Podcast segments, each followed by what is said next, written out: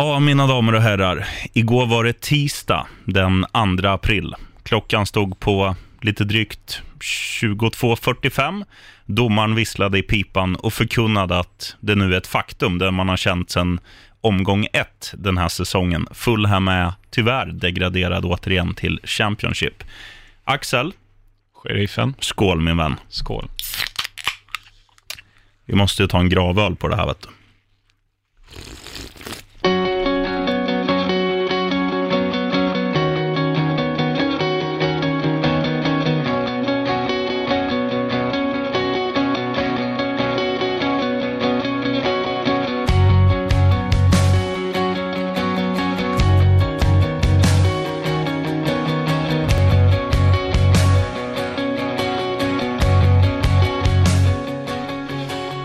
Ny vecka, nytt avsnitt av PL-podden med mig, Axel Olsson, och som alltid vapendragaren. Eh, sheriffen Larsson, numera Championship-podden för min del. Mm. Men eh, det, jag gillar ändå det för att vi, generellt sett så har ju liksom Premier League-älskarna eh, ganska för dålig koll på Championship. Mm. Men nu har vi ju vår egna expert, eller jag då, det är ju bara du och jag här. Ja. Men eh, förhoppningsvis ni som lyssnar. Eh, vi kommer ge lite mer insikt i Championship i, ja, med start egentligen från playoff-omgångarna, Mm. tänker jag. Eh, vi pratade lite om Championship förra veckan, men framförallt i höst, det kommer, jag tänker att vi ska introducera ett nytt segment som är Championship-kollen. ja, det är nice. Mm, det kan bli bra. Det kommer ju vara både Huddersfield som blev eh, nedflyttade i helgen. Mm. Det var ju egentligen klart, men matematiskt nedflyttade i helgen. Och Fulham då igår.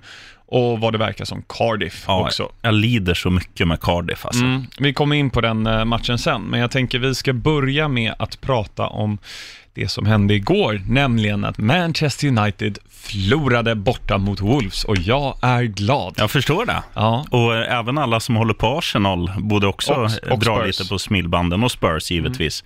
Även om de har haft det lite tungt nu på slutet. Mm. Och de andra två i toppen, de bryr sig egentligen inte resultatmässigt. Alltså, de slåss ju inte om topp fyra då, men både Liverpool och City är ju Uniteds största rivaler. Mm. Så alla topp sex är väldigt glada att United förlorade. Ja, och det var lite märkligt tycker jag att de förlorade. De, jag tyckte de spelade ganska bra majoriteten av, eller i alla fall fram till utvisningen.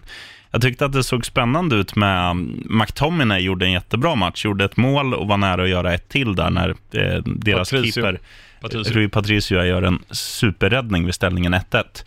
Ehm, United ser ju, alltså de är ju hungriga på ett annat sätt som man inte har sett tidigare under säsongen och vi vet ju att Wolves är väldigt bra mot alla topplag. De blev lite tagna på sängen. United tyckte jag var, var det bättre laget fram till eh, Ashley Young drog på sig sitt andra gula kort i matchminut 57 kanske. Ja. Och sen tog ju Wolves över och vann, eh, rättvist är att ta i, men tämligen rättvist. Ja, men det, det tycker jag. Och precis som du säger, United inledde starkast, men man ser ju att det går inte längre att leva på den här nyfunna motivationen som Solskär kom in. Det finns ju uppenbara problem i United. Mm. Pogba har ju knappt existerat i både den här matchen, men även när de mötte Watford i helgen. Nej, Alltså, det stämmer. Pogba har inte gjort någonting där. Nu saknades Rashford. Lukaku, han får ju ett läge där efter fem minuter när han nickar rakt på Patricio. Mm. Alltså en halv meter åt varsitt håll så är Patricio chanslös. Det bör han göra bättre. Mm.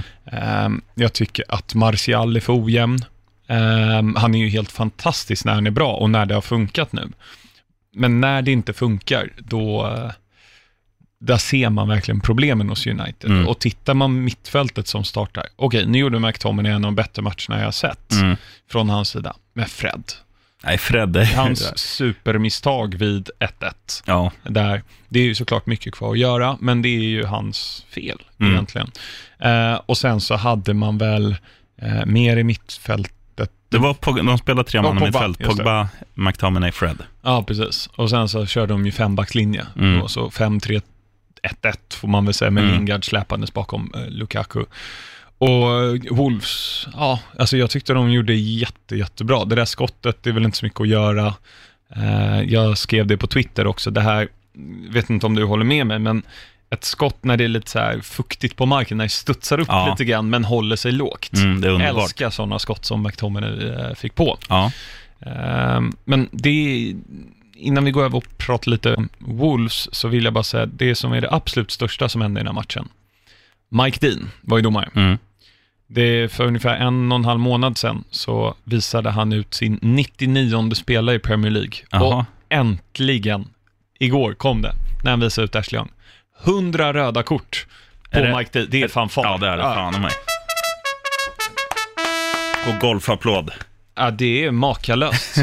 Är det en bedrift i domarbranschen? Har man något så här, som spelare när de gör typ sitt hundrade mål, då får man ju ofta något litet så plakat kanske, Mm. eller någon liten bild eller så.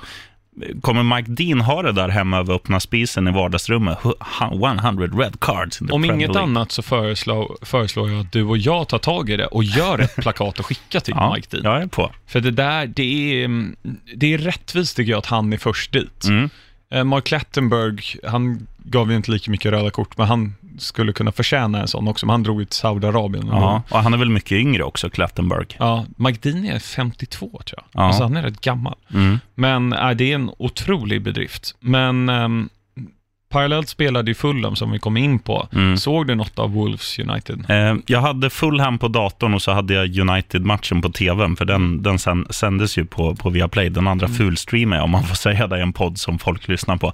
Men eh, eh, Fulham var ju faktiskt väldigt pigga i inledningen och dominerade matchbilden sett till chanser och så här. Det såg, det såg ut som ett, ja, men så en döende fisk som sprattlar för sista gången. De liksom ansträngde sig. Ehm, och sen vid ställningen 1-1 så drar ju Hughes på tidernas jävla kanonskott. Mm. Alltså, han har aldrig skjutit så hårt. De har gjort några sådana mål Watford från hörnor. Nu Mm. var det ju en studs ut av, ja, vem det nu är som rensar från Fulham. Men Pereira har ju gjort något sånt den här säsongen också Mm. för Watford. Och man, de- man kände också, det, det tycker jag är väldigt märkligt med den här matchen, att eh, okej, Watford har ingenting att spela för, men tidigt i andra halvlek byter de ut både Pereira och Delofio, som är kanske deras två största liksom, mönsterbrytare. Och är det någonting som, som man kan utnyttja när man möter ett lag som Fulham, det är ju liksom spelskickliga, kvicka spelare som kan eh, trolla bort deras skyltdockor till backlinje. När de blir utbytta, då tänker jag så här, fan det här kanske Fulham vinner och då lever säsongen i alla fall teoretiskt i en vecka till. Men sen kommer det där kanonskottet till 2-1 och sen är det ju liksom öppna spel. Sen känner man igen Fulhams försvar. Eh, det, tre, För, förarbetet över en Andrew Gray till 3-1 är ju väldigt, väldigt snyggt. det som Troy Deeney gör, det, ja, precis. det är magiskt. Ja. Och sen, ja, sen var det ju godnatt, eller var ju godnatt redan vid 2-1. Ja. Ehm, ja, eh, jag tänker, vi, vi ska prata lite mer fulla, men jag kände vi släppte Wolves United lite för tidigt. Jag, jag, jag vill prata lite mer om Wolves, så Mm. då tänker jag, vill, vill du ta det lite grann hur, alltså, de har ju knappt använt några spelare. De har ju väl använt 15 spelare under den här Mm. säsongen, lätt överdrivet. Men sjua, nykomling, extremt bra mot de stora lagen. Mm. De har liksom fått fyra poäng på två matcher mot Chelsea. Ehm, samma mot Tottenham tror jag. Mm. Ehm, och både Liverpool, City och Arsenal har haft svårt mot dem också. Och nu med United. Men jag, jag skulle vilja jämföra Wolves med, med vårat svenska landslag. Det är liksom inga så här, visst det finns kvalitet i Ruben Neves, som man nu ska säga, och eh, Diego Jota och de här, det är ju bra spelare liksom. Men, men sätter man det i, det är ju få i det där laget som hade gått in i ett topp 6-lag i Premier League. Men du får ju, när du får den här kontinuiteten, att du spelar ihop varje vecka, så lär du känna varann. Och eh, det gör ju också att det blir ju tryggheten bakåt. Dessutom har de en jävligt duktig målvakt, som kanske skulle behövas i Fulham. Men eh, då blir ju själva liksom fundamentet i laget är ju ändå den defensiva biten och den har ju funkat. Och sen har du de här som funkar. Din kompis på topp, vad heter han, mexikanen? Jiménez. Jiménez, du har Jota, du har Neves, du har eh, Moutinho. Moutinho, absolut. Det, det finns ju jävligt många spelare som är, som är bra. De håller inte den yppersta klassen, men de, de håller liksom en, en, de håller en Premier League-mässig nivå. Och när de också funkar ihop, de har ju värvat jättesmart, alltså plockat spelare som funkar ihop. Jag vet inte hur de liksom har sett det i sin kristallkula, men Nej, men alla är ju portugiser. De snackar ju med...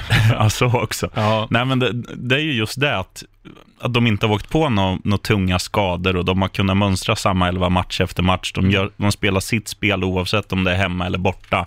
Ehm, Och jag- gillar, det måste vara Premier Leagues roligaste anfallspar just nu, Jiménez Jota. ja, ja. Alltså Jiménez är ju inte den största anfallen i ligan, eh, men han, han är både bra targetspelare, han är ganska bra i djupled och så har man den här riviga lilla Jota liksom, Mm. som springer runt och båda är väldigt bra. Och de funkar ju bra också i spelet på marken, även om Även om, eh, eh, jag tappar namnen på han hela tiden, Jiménez också funkar som target emellan varven, så när de kommer i liksom omställningsspelet så är de också duktiga på att hitta varann i fart på fötterna och liksom zigzacka sig igenom försvar och sådär. De, de är, det, är ett- det är ett väldigt roligt lag att titta på och eh, ett väldigt roligt lag att följa nu hur de ska liksom ta nästa steg. Vill de vara med och slåss om Europa nästa år eller hur, hur går tankarna i Wolves? För de, de har ju någonting som funkar. Ja, och där finns det ju det som lite halvt är inne på, att de, an, de flesta spelarna där, möjligen Nevs och i viss mån Jiménez som en nummer två i Spurs eller något Mm. sånt kan jag se. Men de lär ju inte bli sönderköpta i sommar heller. Nej, nej. Ehm, så det, det ska bli väldigt spännande att följa dem, se vad de kan få in. De har ju Jorge Mendes då, som har väl typ alla storstjärnor i, i Europa som agent, Mm. eh, som är då eh, med i styrelsen och så. Men, ehm, sista grejen om Wolves, vi ska prata mer om Fulham tänker jag, ehm, det är ju att Ruben Vinagre, Vinagre, Ja, han måste ju peta Nile Ranger i våran elva. ja det är taget. Ruben Vinagre. Alltså det, han är rätt bra också, Ja. men eh, namnet är ju världsklass. Ehm, och jag från världsklass då till eh, not so much. Går Ja. vi tillbaka till Fulham och jag tänkte ställa dig frågan då. Vem tror ni ni får behålla? Vem följer inte med till Championship? Jag tror vi får behålla väl- ganska många. Mm. För att Sessignon?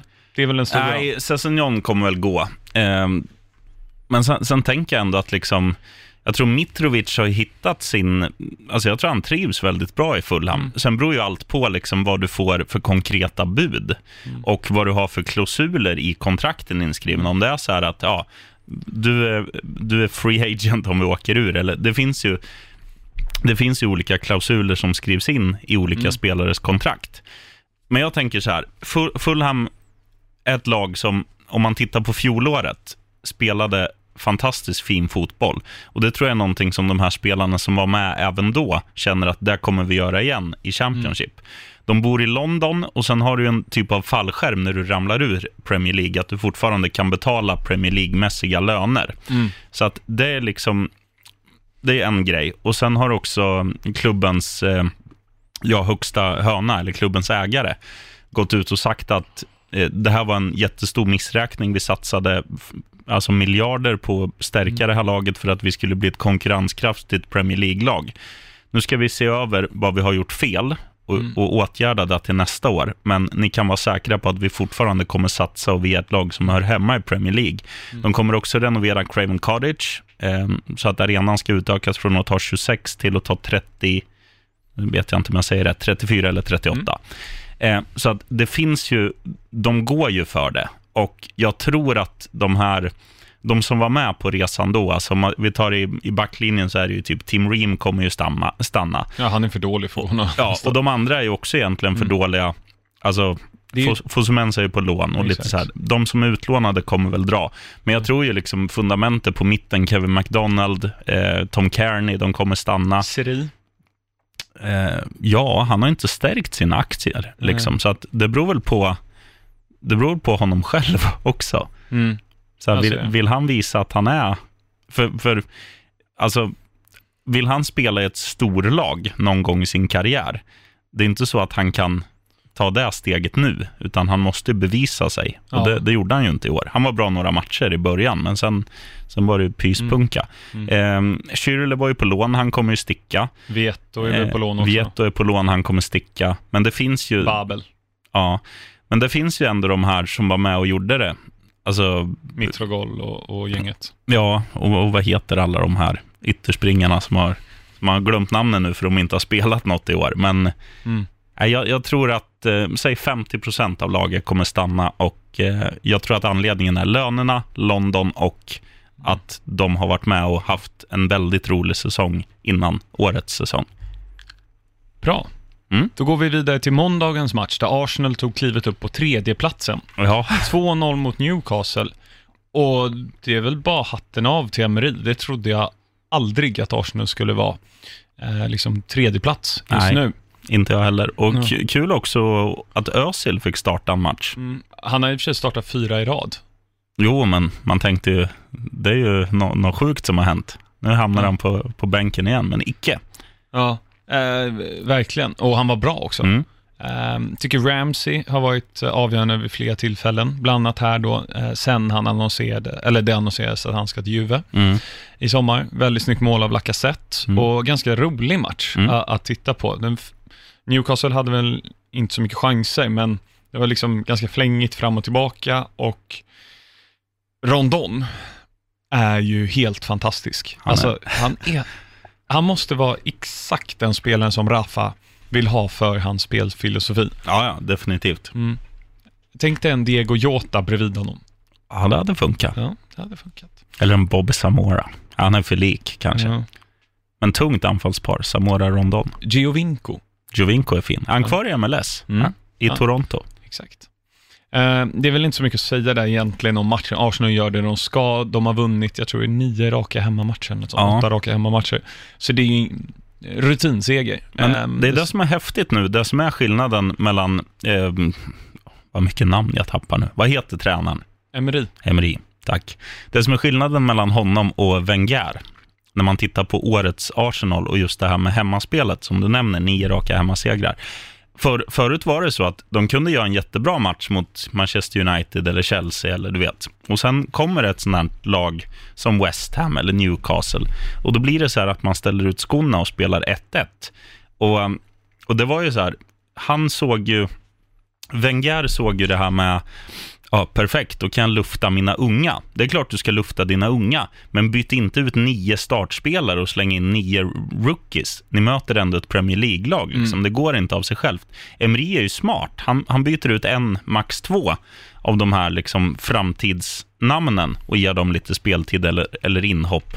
Och så här. Han, han matchar ju laget mycket smartare och det gör ju också att ja, att resultaten går med honom. Hade de haft Wenger, då hade de varit sjua, Mm. Ja, så är tror det. jag. Mm. Nej, inte sjö, sexa Ja. kanske. Ehm, ja, uh, stormatchen som var i helgen då. Liverpool mot Spurs. Mm. Såg du den? Ja, absolut. Det var, eh, Bra match. det var en riktigt bra och och överraskande, alltså överraskande bra insats av Tottenham. Mm. Framförallt andra halvlek Mm. var väldigt, väldigt bra. Um, alltså van Dijks försvarsinsats eh, vid Cissoko och, och Sons läge där. Ja. Ehm, jag såg någon eh, tweet om det, det var någon som skrev att eh, 75 miljoner pund, eh, det är en bargain för Virgil van Dijk, det finns ingen annan försvarare som hade gjort sådär. Eh, och då var det någon som kommenterade, eh, du kan sätta vilken försvarare du vill i hela världen, där Sissoko kommer ändå skicka en ut från arenan. Mm. Men, men Det, det som är, finns en poäng i det, men det är väldigt, väldigt bra försvarsspel av van Dijk. ja, det påminner väldigt mycket om en liksom hockeysituation, två mot ett, att du skär av passningsvägen Mm. och låter liksom målvakten ta skytten. Mm. Det se, de här situationerna ser man ju sällan i fotboll, men alltså, och, och det här att han styr liksom han mot sin sämst, sämre Mm. fot och, och tvingas ta avslutet med vänster och sådär. Och det, när, man, när man liksom scoutar den situationen så förstår man, så förstår man hans storhet. Mm. Ja, det, alltså, det låter så töntigt, men det är så man bör lära ut försvarsspel på Mm. den sekvensen. Mm. Ehm, men Liverpool gör 1-0 efter en kvart. Firmino, fantastiskt inlägg av Robertson, som Mm. nu har åtta assist som ytterback. Väldigt Starkt. bra. Ehm, och Firmino sätter ändå. Ehm, och Spurs hade väl inte jättemycket i, i första halvlek. Ehm, och sen eh, gör de ju kvitteringsmålet där efter en fantastisk pass av Kane, tänker snabbt där. Mm. Och, och sen in av, eh, om det är Trippier till Eriksen, ja det är Mm. och sen Eriksen föser den till, till Mora. Så väldigt snyggt. Och sen har de ju lite oflyt. Spurs har ju flera bra chanser Mm. ehm, innan självmålet Ja. avgör. Och vad ska man säga där? Alltså det är ju taffligt av... Det, går, det är också det här när man ser en repris så upplevs ju situationen gå saktare än vad den gör i verkligheten. Men du ska, när du är när du klassas som en av världens 15 bästa målvakter, eller vad håller du, Loris? Ja. Han är, 20 väldigt bästa. bra, han är väldigt bra på mållinjen, Det är han. det är han. Men ehm, det där ska han ju göra bättre. Ja, han ska ju hålla den där bollen eller liksom få ut den på något... För det här är ju inte ett hårt avslut, liksom. det är ju en fösare. Klistra den där Eller Sen- boxa den Ja. åt helvete. och så är det ju bara otur för Alde Ferreilt att den tar på honom och rullar in. Det är ju, men så här, samtidigt, jag är glad att det händer för att det gör ju att liga, striden om ligatiteln fortfarande lever. Annars hade Manchester City ha- haft ja, en limo redan bokad till guldfesten. Mm. De hade redan börjat göra sin um, firande film som de gjorde förra året, Ja. som var den sjukaste jag någonsin sett. Ehm, men Spurs, en poäng på fem matcher i Premier League. Är det så dåligt nu? De har förlorat mot eh, Burnley, Mm. de har förlorat mot, eh, Crystal Palace, va? ja det var i FA-cupen tror jag. Okej, Eh, de möter Palace ikväll. just det. Nu ska vi se, de har förlorat, de kryssade mot Arsenal, förlorade mot Burnley, förlorade nu mot Liverpool och sen så har de förlorat en till, vet jag. Ja, jag kan kolla det. Vi Men- säger att det var Newcastle. Nej, men det var... Oh, gud, bra poddinnehåll här. Riktigt bra. Ja, Ja. men strunt samma. Mm. En poäng på fem matcher. det är Ehm. inte tillräckligt bra. Nej, och framförallt inte det här läget. Vi snackade om det för några vecka sedan också. Nu har de ju liksom inget att skylla på. Nu är alla de här skadade tillbaka. De ska flytta in på sin nya arena Ikväll. ikväll. Eh, ja, och, och liksom, de är ju de är bra i, framförallt i den här matchen så var de ju riktigt bra i andra halvlek, så att man, man lider lite med dem, för att deras topp är ju, den håller ju högsta klass. Mm. Alltså när Tottenham är bra så är det få lag som överglänser dem, när alla offensiva kreatörer, Eriksen och, och, och så vidare, har sin dag. Ehm, så att jag, alltså den här resultatraden, den är ju ja, den är alldeles för dålig för, för det manskapet man har och den tiden man är inne i nu. För att de, var ju, de utmanade ju, för en månad sedan utmanade de om ligatiteln. Mm. In, inte liksom, ja, de var där och nosade i alla fall. Men nu är de ju Ja. helt uträknade. Mm. Southampton har de förlorat mot, eh, med 2-1 där, när, de, Mm. när de vände. Ehm, och sen eh, ett fint lag från västra London, Vad kan det vara? Chelsea, Jaha, mm. vann vi 2-0. Så eh, ja, det är väl Southampton och Burnley som sticker ut. Mm. Att, att torska mot Liverpool och Chelsea borta, det är inte jättesjukt. det är Men, det inte, men men apropå Chelsea, ja. helt sinnessjukt att Chelsea vann den matchen. Mm. Jag, jag skrek väldigt mycket svordomar eh, fram till 84 minuten. Där jag mest tyckte synd om Cardiff. Vems- Vem svor mest, Axel Olsson eller Neil Warnock? Eh, Neil Warnock. Jag tror det är få människor som svor lika mycket som Neil Warnock gjorde i lördags. Som Mm. någonsin, äh, söndags. Som någonsin har svurit så mycket. Mm. För det är ju alltså en meter offside. Det är jättedåligt av uh, linjedomaren och Dessutom domarteamet. offside på två spelare. Ja, ja exakt.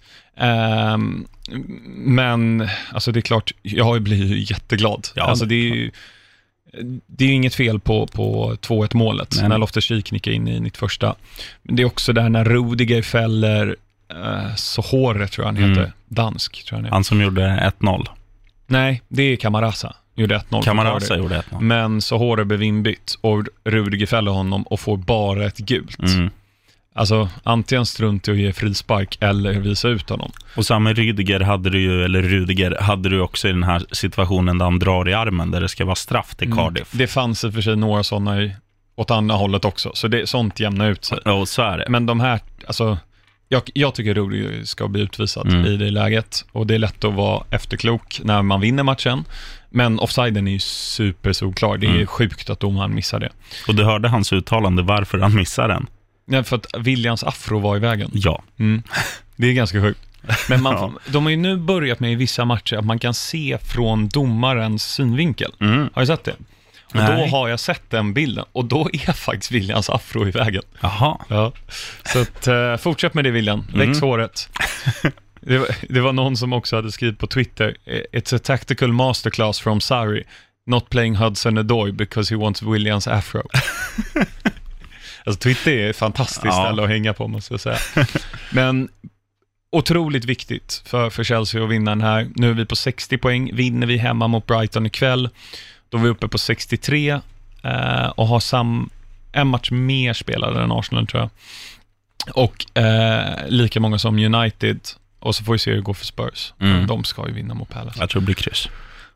Intressant. Ehm, nu blir Man United igen här. De vann ju 2-1 mot Watford. Alltså, inte mycket att säga om den matchen. Vi är Nej. inne på att Pogba var dålig.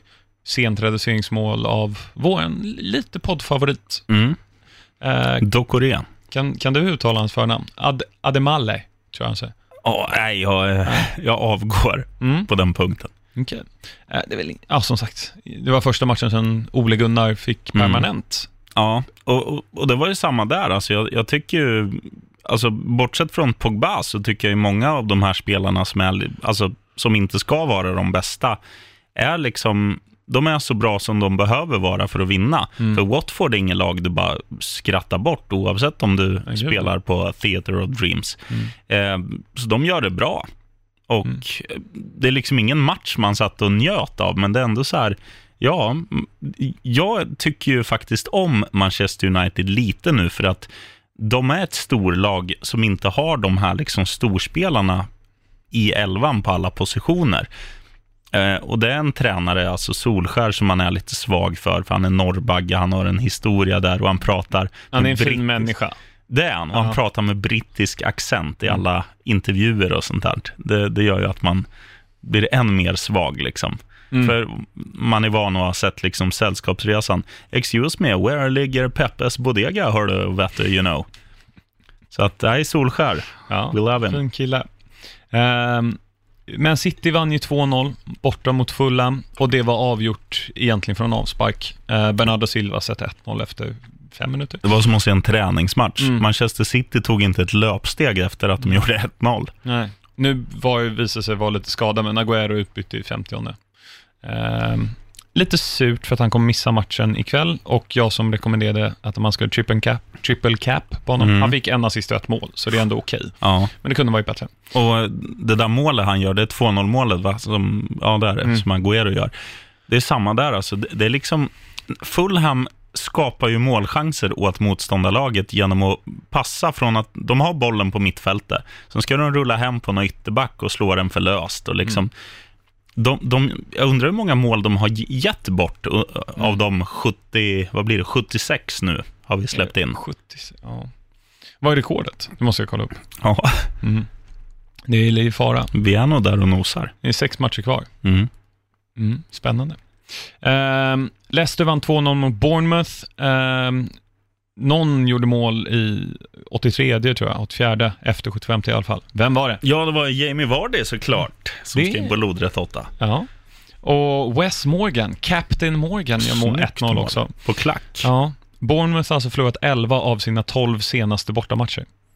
Ja, det är också en sån där statistik som chockar mig lite, för att man tycker ju lite samma argument som man använder på Wolves, att Bournemouth är ett sånt här lag som, som gör sin grej. De Mm. spelar sitt spel oavsett arena liksom. Mm. Men när de är, ja, när jag hör det här så blir jag chockad, men samtidigt när man tänker efter så här, ja, det är ju inte samma, det är inte samma frenesi och det är inte samma, de här spelarna som är bäst i Bournemouth, de är bra, alltså Callum Wilson och de här, de är Mm. bra även i bortamatcherna, men de här, liksom, Simon Fra- Francis. Fraser och Simon Francis och Ja. de här, de är, ju, de är ju till och med riktigt bra när de spelar hemma. Är det att de sover i sin egen säng och vaknar utan ryggskott och sådär? Ja, det är möjligt. Vi men, får kolla. men det är inte samma lag på bortaplan, märkligt nog. Det var ju då 11 av 12 de har förlorat på bortaplan. Mm. De vann ju den andra. Vem var det? Var det mot Chelsea? Nej, Huddersfield. Ja, såklart. Ja. Eh, och apropå dem, de förlorade 2-0 mot Palace. Palace borde ha gjort 17 mål i den här matchen, så mycket som de missade. Mm. Eh, Milivojevic från straffpunkten eh, gör 1-0. Solklar straff. Eh, Mm. Zaha fälls. Ehm, och eh, 2-0 görs av Patrik van Anholt. Som ber till Gud efter struten. Mm. Vill du veta en annan rolig eh, statistik kring Om, van Anholt? ehm, jag får gissa att han har gjort fler mål än alla anfallare förutom Saha i Crystal Palace senaste två åren. det är möjligt. Eh, det, var inte det jag skulle säga. Men han har gjort det sista målet i matchen som skickar ut ett lag de tre senaste åren. Va? Ja, så nu mot Huds gjorde han ju 2-0 och så förra året var det mot, var det Sunderland? Nej, nej, Nej, det de var, var två år sedan ja. de åkte, ja men det var någon förra året och sen så var det då Sunderland tror jag året innan. Han har gjort det tre år i rad. Alltså, han får ju byta namn till någon så här Liemannen eller något. Fostrad i Chelsea. Mm. West Ham var katastrofalt dåliga när de förlorade hemma med 2-0, eller 0-2 då, mot Ja. Everton. Eh, Everton, två stycken raka 2-0-segrar mot Mm. Chelsea och sen West Ham borta. På Mm. pappret, väldigt bra resultat. Definitivt. Mm. Sen, sen får man ge underbetyg alltså till deras motståndare i båda de här lagen. Och som, som du säger, West Ham är ju katastrofal, katastrofala. Det är väl sämsta matchen de har gjort i år. De var ju risiga i början också, men då var det mest försvaret. Nu, nu funkade ingenting. Mm. Ja. Ehm, vad, vad mer ska man säga? Var de ute och festade eller? Ja, Arnautovic kanske hade någon liten homecoming. Kanske hade några polare över som Mm. de söp till med. Jag vet inte. Nej, men, men det är ju ett sånt här lag. Man får inget grepp på West Ham och det är därför man älskar dem också. Apropå Arnautovic, han är ju österrikare. Mm. Vet du vem hans anfallspartner är? I österrikiska landslaget? Ja, det är en Premier League-spelare. Oh, nej, Ashley Barnes representerar Österrike. det var jävligt Det är märkligt. jävligt sjukt. Det, vi borde gå igenom så här spelare som representerar konstiga landslag. Mm. Det är så här, jag tänker Wilfred Zaha som eh, att han representerar England, Mm. men han representerar ju Elfenbenskusten Mm. till exempel. Att det finns några sådana där och, och så då Ashley Barnes Österrike är ju riktigt sjukt Mm. egentligen. Måste, vi får titta på det. Ja, det, det blir kul. Och sen ska vi göra en, en flopp-elva också, där Fred måste vara given på mittfältet. det ska vi göra. Det kan vi göra sen när säsongen är över. Ja. Mm. Ehm, ja, Wolves var ju väldigt bra igår, 2-1, men förlorade 2-0 mot Burnley och vi varnade för ett kryss. Det Mm. gjorde vi. Men Burnley och McNeil, Ja. ynglingen, Mm. vilken, vilken kille. Det är också ett konstigt lag, men eh, alltså hemma på Turf Moor så är ju de eh, ganska svårslagna. Har, Mm. har de visat under sin liksom, återkomst till Premier League. Mm. Eh, nu har de ju hittat den grejen igen, att det är liksom med, med fysik och tyngd och inlägg och inkast och, och sådär. De gör sina mål allt som oftast och, och när, när försvaret funkar så att de, ja, nu håller de nollan, men även om de bara släpper in ett så kan de ju ta pinnar Mm. på hemmaplan. Mm. Eh, och det har, ju- det har de fått igång andra halvan av säsongen och, och kommer väl klara kontraktet tack vare det. Ja, det ser ju så ut. De, det är ju tre lag på 33. Det är Burnley, Southampton och Brighton. Och så Cardiff på 28. Borde väl haft någon poäng ner där efter Mm. Chelsea-matchen. Ehm, och det var ju i och med att Burnley vann och att Southampton vann då 1-0 borta mot Brighton som gjorde att Huds åkte ur. Mm. Och innan vi går vidare till att Southampton vann 1-0 mot Brighton, ska vi säga någonting om Huds? Alltså, de är för dåliga. Ja, det, ja, Aaron alltså, Moy är den enda som kan spela fotboll. ja han, han är ju skön, men, Mm. men annars är ju det där ett, ett lag som, till skillnad från Fulham, som ändå finns, som ändå åker ur och har någonting, tycker jag, att bygga vidare på, så måste Hads bara rensa bort allting. Det är för trött. Mm. Det, jag, jag vet inte vad jag ska säga. Behåll. Moj och kasta alla andra.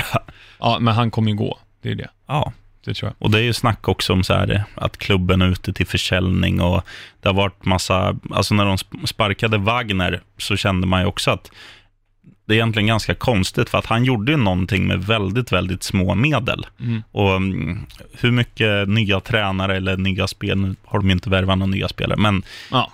det brukar, man brukar se en, en liksom uppväxling. Eh, men man har inte sett någonting hända i det där laget. De var bra i en halvlek mot West Ham. Mm. Det, det, det de Och har gjort i år. det. Ja. Ehm, ja, Brighton förlorade 0-1 mot Southampton. Pierre Emil Höjberg, tror jag han heter. Dansken. Ja. Eller Pierre Erik. Nej, det är Aubameyang. Pierre Emil Höjberg tror jag han heter. Jag tror han heter Kenneth. Mm. Eh, han gjorde mål eh, i alla fall. Och eh, alltså Brighton var, de hade ett eh, dunderskott av Montoya i stolpen, men annars var det Southampton. Mm. Spelade väldigt bra och är fortsatt bra under Hassenhüttel och Mm. det där är väldigt viktigt i deras kamp för att vinna. Ja, Eller vinna, vad nej, men hålla sig kvar. Och, Exakt. och det, det känns ju som att det ska mycket till för att de ska sumpa Mm. det här. Ja, och det är samma, tittar man på Brighton. Jag hoppas ju att Chelsea vinner ikväll, men man vet ju aldrig med dem nu för tiden. Men de bör ju klara sig, Brighton. Ja, men det är onödigt av dem att behöva ens bli inblandade i det. Ja. Eh, De har ju Glenn Murray, Mm. Ehm, Det var många matcher vi Ja. gick igenom och det var därför det var lite rappt också. Eh, För att det var ju några matcher som har spelats. Och så ikväll då, vi tog ju dem i stoppljuset förra veckan, men det är då Chelsea mot Brighton på Stamford Bridge, Gult, Man City mot Cardiff, grönt, Spurs mot Palace. gult. Mm. Intressant.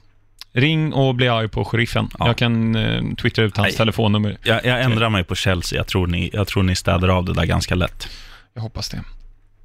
Ja, eh, förra veckan, innan sändning tror jag var, så pratade du och jag om att vi behöver få in en jingel här och där i avsnittet så att det inte bara blir liksom babbel från oss. Så vi, vi får vila lite grann eh, och så. Eh, och jag tänker att du har en på, på, liksom, på känn här. Ja, den här gillar jag. Tjena, Thomas Brolin här. Tja, brorsan. Kan vi, kan vi göra den lite längre? Eh, Vi kan prova. Tjena, Thomas Brolin här. Right on. Bra. Vi, vi, vi får snickra lite mer på det där. Eh, Men ehm, vi går vidare då från matchgenomgången till att eh, vårt segment då, vad hände sen? Mm.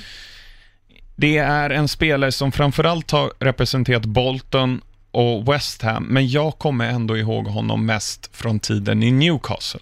Mm, nu ska vi se Vem om är Larsson sätter den här. Bolton, West Ham, Newcastle. Kevin Nolan. Ja, där har vi det. Tack. Kevin Nolan. The poor man's Frank Lampard. Mm. Men det är han lite grann. Alltså så här, följde upp mycket andravågslöpningar, gjorde en del mål. Så är det ju, men, men framförallt en, en spelare som till skillnad från Frank Lampard inte hade någon fot. Nej, det hade han ju inte. Men han hade en, ja, jag skulle säga jämföra med Kevin McDonald. I full, Ja, men han är ju mer offensiv. Det är han, Ja. men liksom en, en som alltid ger 110 procent och som, som hellre bryter två ben än att gör två mål. Mm. Lee Cattermole också. ja, han påminner om. Nej, men han är en spelare man gillar liksom. Mm. Kevin Nolan är då född 1982, så ett år yngre än Zlatan. Det Oh. tror man inte om Kevin Nolan. Nej. Jag känner typ 45 år gammal på honom. Minst. Han debuterade i Bolton 1999 och var där till 2009. 40 mål på 296 matcher. Och sen så bildade han ett fruktat anfallspar med Andy Carroll i Newcastle 2009 till 2011. Mm. 29, match, äh, 29 mål på 85 matcher. Sen var han i West Ham 2011 till 2015. Det- Han hade ju Allardyce i Bolton och gick tillbaka till Allardyce då eh, i West Ham. 30 mål på 141 matcher. Sen ehm, 2016 på våren så gick skeppet till Leyton Orient. 0 mål, 14 matcher. Och sen då 2017 till 2018 i Notts County. Han har alltså varit både player och manager i Leyton Orient och Notts County. Jaha. Mm. Det visste inte jag om man kunde vara längre. Jag vet att Gianluca Vialli var det för Chelsea i slutet av 90-talet, Mm. men eh, det är inte ofta man... Nej, och, Han han, och, och just Kevin Nolan känns väl inte som ett tränarembryo. Liksom. Det känns ju inte som att han är någon, någon taktiker, utan det är bara så här, all right boys, give him 110% and knock some legs. Men man måste ge honom ändå cred att han... Jag tycker han läste spelet väldigt bra i boxen. Han tog Ja, mycket, mycket offensiva löpningar, liksom var man ska positionera sig. Så. Det tycker jag faktiskt han gjorde väldigt bra. Det håller jag med om. Och sen tycker jag också man, man kan säga så här att eh, av, av alla anfallare som har varit med i Vad hände sen, så har vi ofta reagerat, eller min spontana tanke har varit så här, han gjorde mycket färre mål än vad jag trodde, men Kevin Nolan har gjort fler mål än vad jag trodde. Mm. Men vet du vad det bästa med honom är? Det han har gjort efter karriären. Målgesten. Kycklingdansen. Ja, ja, ja, ja. Jag, jag står och imiterar den här nu, men eh, ni ser inte det. Men sheriffen får se. Och den har de ju även tagit till Fifa-spelen. Ja. Det, det är, en, är det då en målgest är etablerat? Ja. När den är med i Fifa-spelen? Det är som Crouch robotdans, den Ja. hamnar ju direkt i Fifa-spelen efter det där. Mm. Det finns, jag spelar ju en del Fifa. Eh, det finns ju eh, det finns ju alla de här stora, men Ronaldo, Griezmann, Messi när han pekar upp mot himlen och så vidare. Men det finns typ Michael Antonios. Vad gör han? Du vet när Homer Simpson lägger sig på si- sidan och sprattlar runt i en ring? Ja, Mm, det är ju Michael Antonios. Den finns på Fifa. han är underbar. Det är de man uppskattar. Mm. Eh, även kycklingdansen och tidigare fanns Balotellis när han ställer sig och spänner sig. Mm. Det är också fint. Ehm, men eh, idag, han eh, letar jobb lite grann. Det var snack om att han var aktuell för Yeovil-jobbet fan. i League One. Det Men det är, det är jobb inom fotbollen. Det är inte Ja. så att han har slut på deg och behöver köra Nej. sopbil eller något. Nej, nej, eh, faktiskt inte. Ehm, jag kan bara, landslagskarriären, två gånger för England på U21-nivå. Okej. Eh, men vet du vem jag tycker han påminner lite om? Ja, En. Fulham-spelare. Nej, Jaha. Ehm, har samma förnamn. nej. Kevin Davis. Heter han inte så? Kevin Davis? Han var väl i Fulham? Ja, men det är väl en ytterspringare? Nej, Simon Davis tänker jag på. Ja. Kevin Davis. Nej, det Hette han inte. Kevin Davis i uh, Fulham? Jag är rätt säker på det. Nu kommer jag ju skämmas om det, om det här är något som stämmer. Alltså det här är väl typiskt mig. Han var ju i, ehm, i Bolton tror jag. Ja, jag blandar ihop Bolton och, och Fulham. Ja, okej. Kevin Davis i Bolton, sorry. My bad, sorry lyssnare, jag har fel ibland också. Och jag kan bli, återgå till min normala hudfärg igen efter att ha Mm. varit som en indianhövding. Va, har du inte Indians tröja på er? Eller vad står det? Uh, Indiana Indiana? Pacers, Mm. basketlag. Ja, Bra. Från vilken stad? Indianapolis. Mm, snyggt. Ja, men Indianapolis är ju huvudstaden i Indiana Mm. som stat. Eh, Men det ska vi prata mer om efter det här i NBA-podden Givet. med eh, sheriffen Larsson, mig och Jonas Jerebko. Oh, Mm, han är gäst då. Eh, Den hittar ni på eh, sheriffens privata Facebook-sida. Givet. ute. Ja, eh, vi går vidare här då eh, från Kevin Davis. ska han inte få en fanfar? Kevin Nolan, herregud. Ja, han, han får en fanfar. Jag känner mig alldeles rörig i huvudet idag, men eh, Ja, snart, snart kommer vi till frågorna. Mm. Eh, Vi ska bara eh, hitta en mittbackskollega till Soul Bamba. Ja, just det. Vi gör ju en, ett lag med sköna namn. Exakt. Eh, och vi byter ju ut Nile Ranger då mot Ruben Vinagre. Yes. Men vi har ju då, nej vi har ju Ledley King och Soul Bamba. Gud, jag, Det är högerback säger- vi ska ja, ha. Jag säger ju det, jag är rörig i huvudet idag. Ni lyssnar får, jag ber om ursäkt. En högerback med ett bra namn. Ja, Carl Jenkinson är ju rätt bra. nej. Jenkinson, som är, han representerar Finland. Där har vi en till. Hans morsa tror jag är finsk. Det är mycket avigt, men, Ja. men lika coolt. Ja. Nej, men vad finns det för högerbackar? Alltså, vi har Asso Ekoto på vänsterbacken. Mm. Eh, och tittar man på högerbacksposition, Bosingva i Chelsea. Det är ett skönt namn. Bosingva. det är ett skönt namn. Portugis, va? Yes. Borde, Spelade Champions League-finalen för Chelsea och vann. Det är helt sjukt. då, Att... borde då går till Wolves nästa säsong, men vi får se hur det blir med det. Mm. Övriga, alltså, det, det känns ju som att någon ifrån den här backlinjen där de heter Duff, eh, Duffy, Det är ju Bruno. Bruno. Bruno, Dunk, Duffy och Bong. mm. Ehm, Där har vi, det är Bruno som högerback. Eller Celotto har, en högerback i Brighton också. ja, det är ett fint namn. Mm. Jag tänker back in the days när, eh, vem var högerback i Leeds när de var i Champions League-final? Var det Gary Kelly? Men vi hade ju honom, som vi, det stod mellan han och, och Gary Neville i vår så här All-Star 11. Då tog Ja, det vi ju- stämmer nog. Va, vad var han hette nu igen? Jag glömt bort. Det är väl Gary Kelly. Han kanske är det. Det är ett bra namn. Gary Sundgren är ett bra namn, men han har ju spelat i det Zaragoza. Martin Kelly finns ju också i Ja, Palace tror jag han är. Juan Bissaka. det är bra. Allan Hatton är ju Ja. inte så bra. Äh, Som fotbollsspelare? Nej. Jävla skön profil dock. Ja. Uh, Alan Hutton. ehm, jag tänker bara snabbt liksom vilka... Glenn Johnson. Nej, det, är- det är för tråkigt. ja. Sabaleta är ett ganska bra namn. Sabaleta är bra. Mm. Men han är mer känd för att han har blivit röd på ena sidan av huvudet nu, eh, än sitt namn. Eh, ja, det var svårt att vara med högerbackar. Mm. Alla har liksom så tre plus-namn på en femgradig. Mm. Ingen, ingen liksom klockren femma där. Har vi inga brassar som har varit i Premier League då, som har varit högerbackar? men Brassa är ju aldrig högerbackar. Ja, men han, brorsan, har inte han varit i Middlesbrough? Brorsan till eh, Jag har ett alternativ. mm, K-mark. Pontus. Pontus K-mark. Det är rätt bra. Ja, vi tar Poppe. Ja, vi tar K-mark. In med en svensk.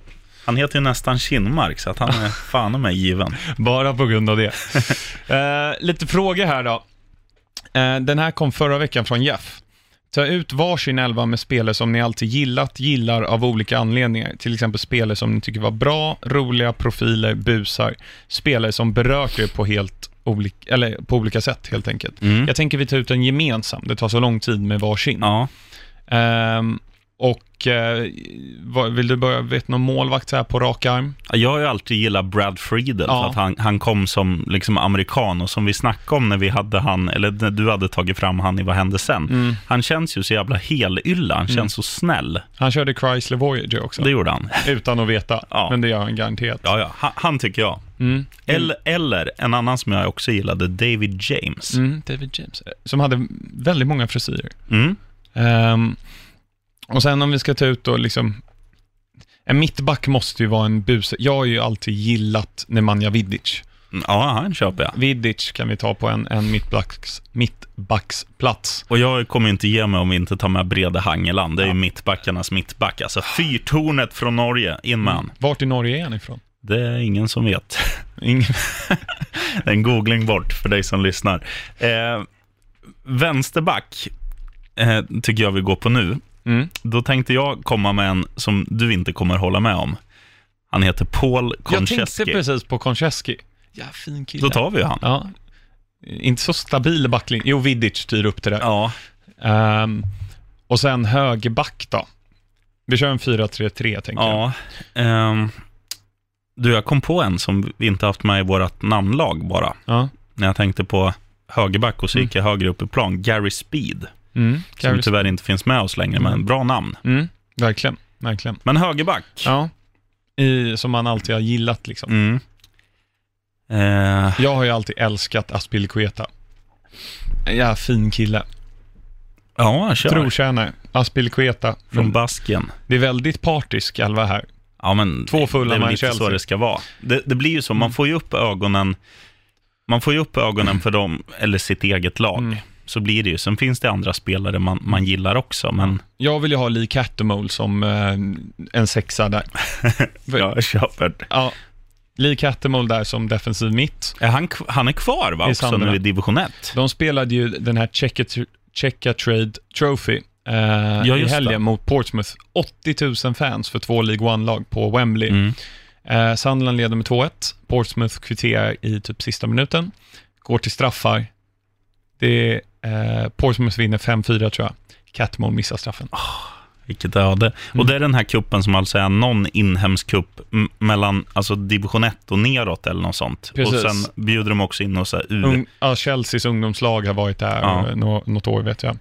Ehm, ja, men så Catamole. Catamole, ska vi ta Jimmy Bullard också när, vi, när man ändå är partisk? Ja. Eller, ska jag vara, eller ska jag se lite mer Ja, utanför men se, boxen? se lite mer utanför boxen. Jag har ju alltid gillat David Silva. David Silva är fin, men han är lite för bra. Får man tycka om så bra spelare? Till exempel spelare som ni tycker var bra, roliga profiler eller busar om vi ska följa Jeff här. Men profiler, Thomas Brolin. Som Eller han- inne mitt fält. Eller han kanske ska vara på vänsterflanken då. Fast där har jag ett annat alternativ. mm. Ta det sen. Ja. Mm. Nej, men, eh, ja, men jag köper Silva. Jag tycker också han är väldigt ögonfallande. Han är ju Mm. han är så jävla mjuk i... Ja, fin kille. Ja, han. Fin kille. Men jag vill ju in en buse där. Vira gillar ju jag för att han var Uff. så jävla hård. Nej, det uff, uff, uff. Nej. Om honom tycker vi inte, som Richie Puss morsa Mm. säger. Vi, vi kan ju också framöver när det är något till landslagsuppehåll liksom faktiskt tänka efter lite grann och inte göra det här live. Och Mm. då kommer man nog på lite, lite liksom cleanare eh, val. Men vi har en till mittfältare att ta ut. Ja, Vi har ju Catamol då, David Silva. Ja, det finns ju många brunkar. Alltså fan, man... Jag gillade ju van der Fart i Spurs. Ja, van bra. der Fart. Han tar vi. Ja. Och sen till vänster. Mm. Nu ska vi se om du sätter den här. Jag tror inte han var så långvarig, men han spelade i Liverpool. En spanjack som hade Luis nummer 10. Garcia. Ja, Luis Garcia. han tyckte jag var fin. Mm. Ja, förutom att han gjorde spökmålet mot Chelsea i Champions League. Skitsnyggt. Vad tror du om Fabrizio Ravanelli på topp? Han är klar. Ja, givet. Silverräven. Ja, han, en av de, jag tror två spelare, eller om han är den enda spelaren som har gjort hattrick i sin debut Mhm. för Middlesbrough. Ja, det är coolt. Och sen en ytterspringare, det är inte Jesse Lingard i alla fall. Eh, det är jag tämligen säker på. Ja, Till höger. Joseba Echeverria, han kom ju fram till att han aldrig hade varit i Middlesbrough som Nej. jag trodde. Annars hade han varit klar. Men, eh, ja, alltså. Det står, en som dyker upp är ju Juan Mata, men det är anledningen att jag gillade han när han var i Valencia. Mm. Sen dess så, så Ja, jag gillar ju han när han var i Chelsea, men det känns lite platt att ta Ja. honom. Ehm, han var ju alldeles för dålig med Jesus Navas. Jag gillade bara att han, han var ju, ehm, han vågade ju inte åka hemifrån. eh, innan han till slut, jag vet inte varför han sen kom till Man City, men han var aldrig med på bortamatcher. Nej, För han, blev, han eh, längtade hem för mycket. Och nu är han tillbaka i Sevilla, eller? Mm, precis. Spelar i högerback där nu för dem i Champions League. Okej. Ehm, eller Europa, ja, jag kommer inte ihåg. Nej, Ehm, nej, men en ytterspringare måste vi komma på. Mm. Arjen Robben. Jag Aj, uff. Damien Duff. Det är ju både Ja, Chelsea och Där Fulham. har vi ett. Damien Bra. Duff. Vilken kille. Där har vi han. Kom trea i Ballon d'Or-omröstningen 2002. Det är sjukaste i mannaminne. Ja. Eh, Niklas Stranner har ställt en fråga. Vilket P-lag blir nästa City? Det vill säga, rik människa köper klubb och tar dem till toppen. Och om Pep går i sommar, vem är den perfekta mest rimliga ersättaren? Vi snackade om, jag tycker Arteta.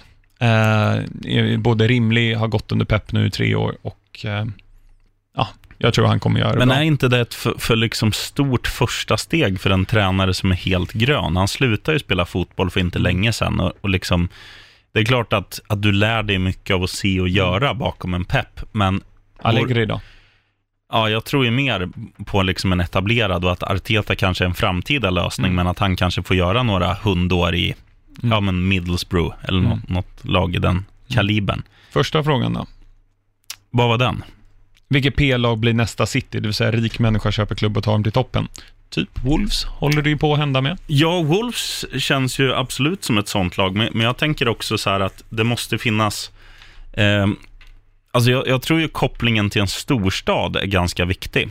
Mm. Eh, och sen känns det som att alltså Tottenham, de har ju redan en rik ägare, men en snål ägare. Mm. Och skulle han då vilja sälja Tottenham, det är ju, det har ju svårt att tro, men skulle det ske så skulle Tottenham verkligen kunna få ett lyft nu med en ny arena som tar in Mm.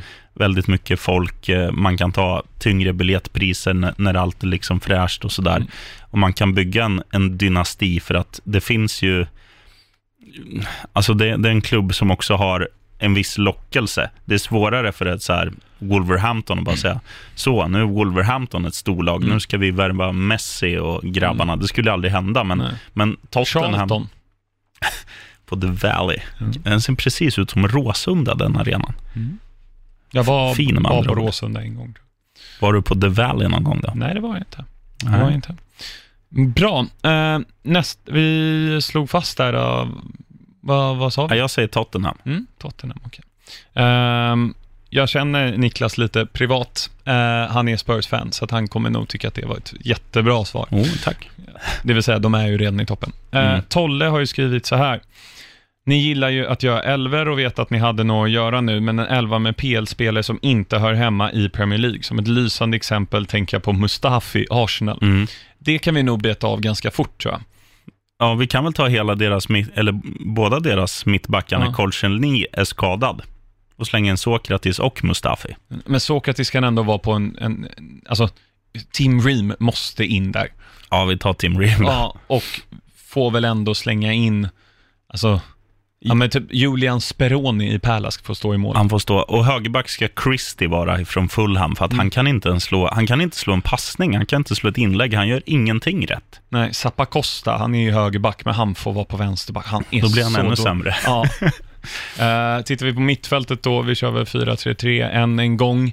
Ehm, där har vi ju, uh, spelar Jack Colback fortfarande i Newcastle? Oh, det gör han va? Mm, jag tror det.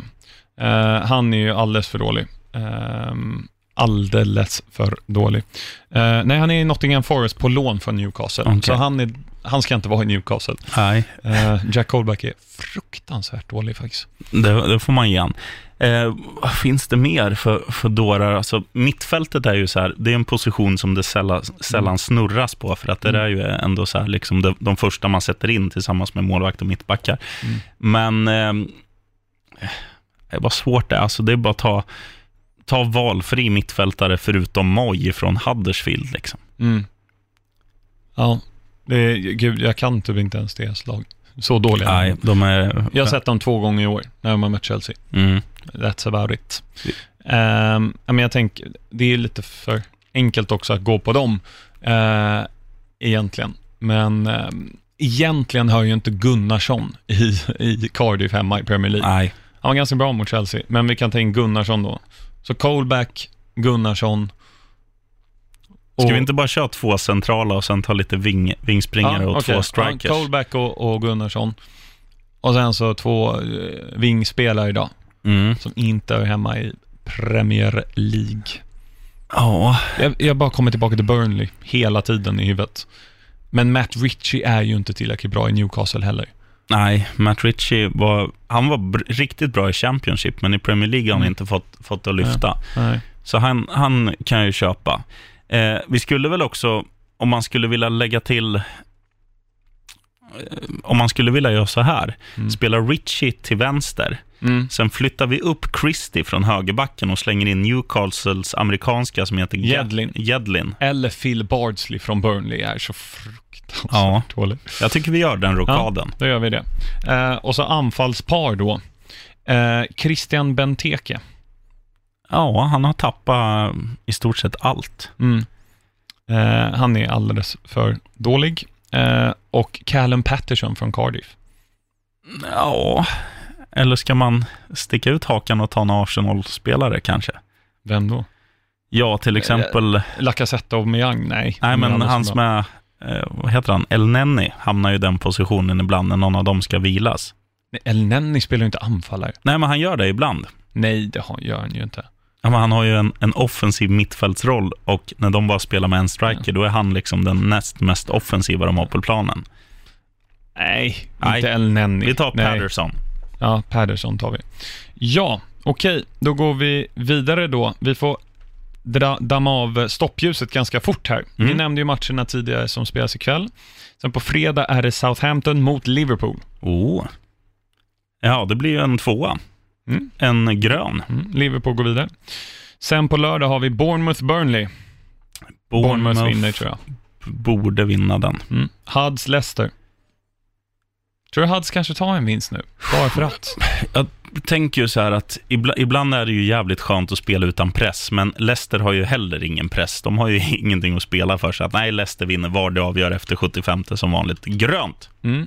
Eh, J. Kinmark mot Crystal Palace. Tvåa. Så är det ju, ja, Newcastle är i och för sig starka hemma. Men Milivojevic, vet han, dunkar in två straffar, Newcastle gör bara ett mål, bam. Mm.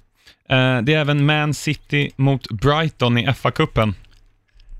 Man City mot Brighton i FA-cupen, kan det bli 7 eller 8-0? Eh, ja, något sånt. Plus minus lite grann. Mm. Eh, och sen så har vi Everton-Arsenal på söndag.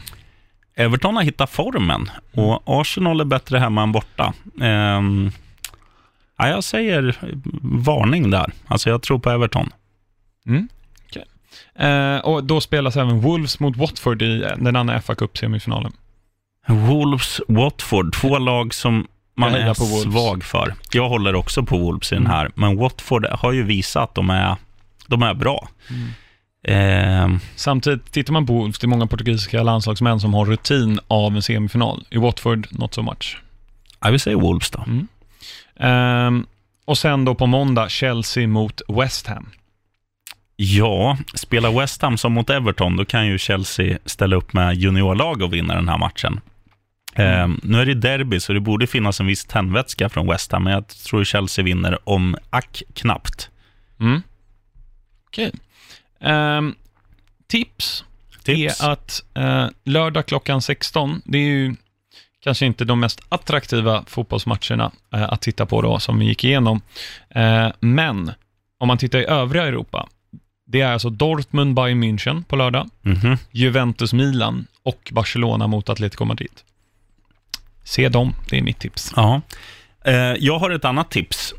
Det finns ju på, eh, på YouTube så finns det ju en, en serie där eh, en hjälte som heter Kristoffer Svanemar Mhm. eh, åker runt och besöker olika liksom, heta matcher i Europa. Och eh, senast, senaste avsnittet, tror jag det, så är han på ett Milano-derby. där Milan står som hemmalag när de möter Inter. Och det är fan mig gåshud att sitta och titta på det där. Man, man liksom fångar... Jag tycker det, han gör det snyggt för att de går in och filmar på San Siro först när arenan är tomd. Eller Mm. tom. Och sen går de ut, tar någon bärs och sen återkommer de. Och, och liksom bara sitta och titta med högt ljud hemma. Se det där och höra stämningen. Det, det känns nästan som man själv är på plats. Det, det är liksom, gillar man läktarkultur, se Destination Europa-avsnittet Milan-Inter. Bra, då ska vi göra det. Ja, Sen är ju Champions League tillbaka eh, nästa vecka, tisdag och onsdag, så då kanske vi får spela in på tisdag. det tycker jag. Mycket bra. Du, sheriffen, Axel, tack som alltid. Världsklass från dig. Dido. Eh, och så eh, tackar vi för idag då. Eh, ride on, heja Chelsea. Heja Fulham. Right on.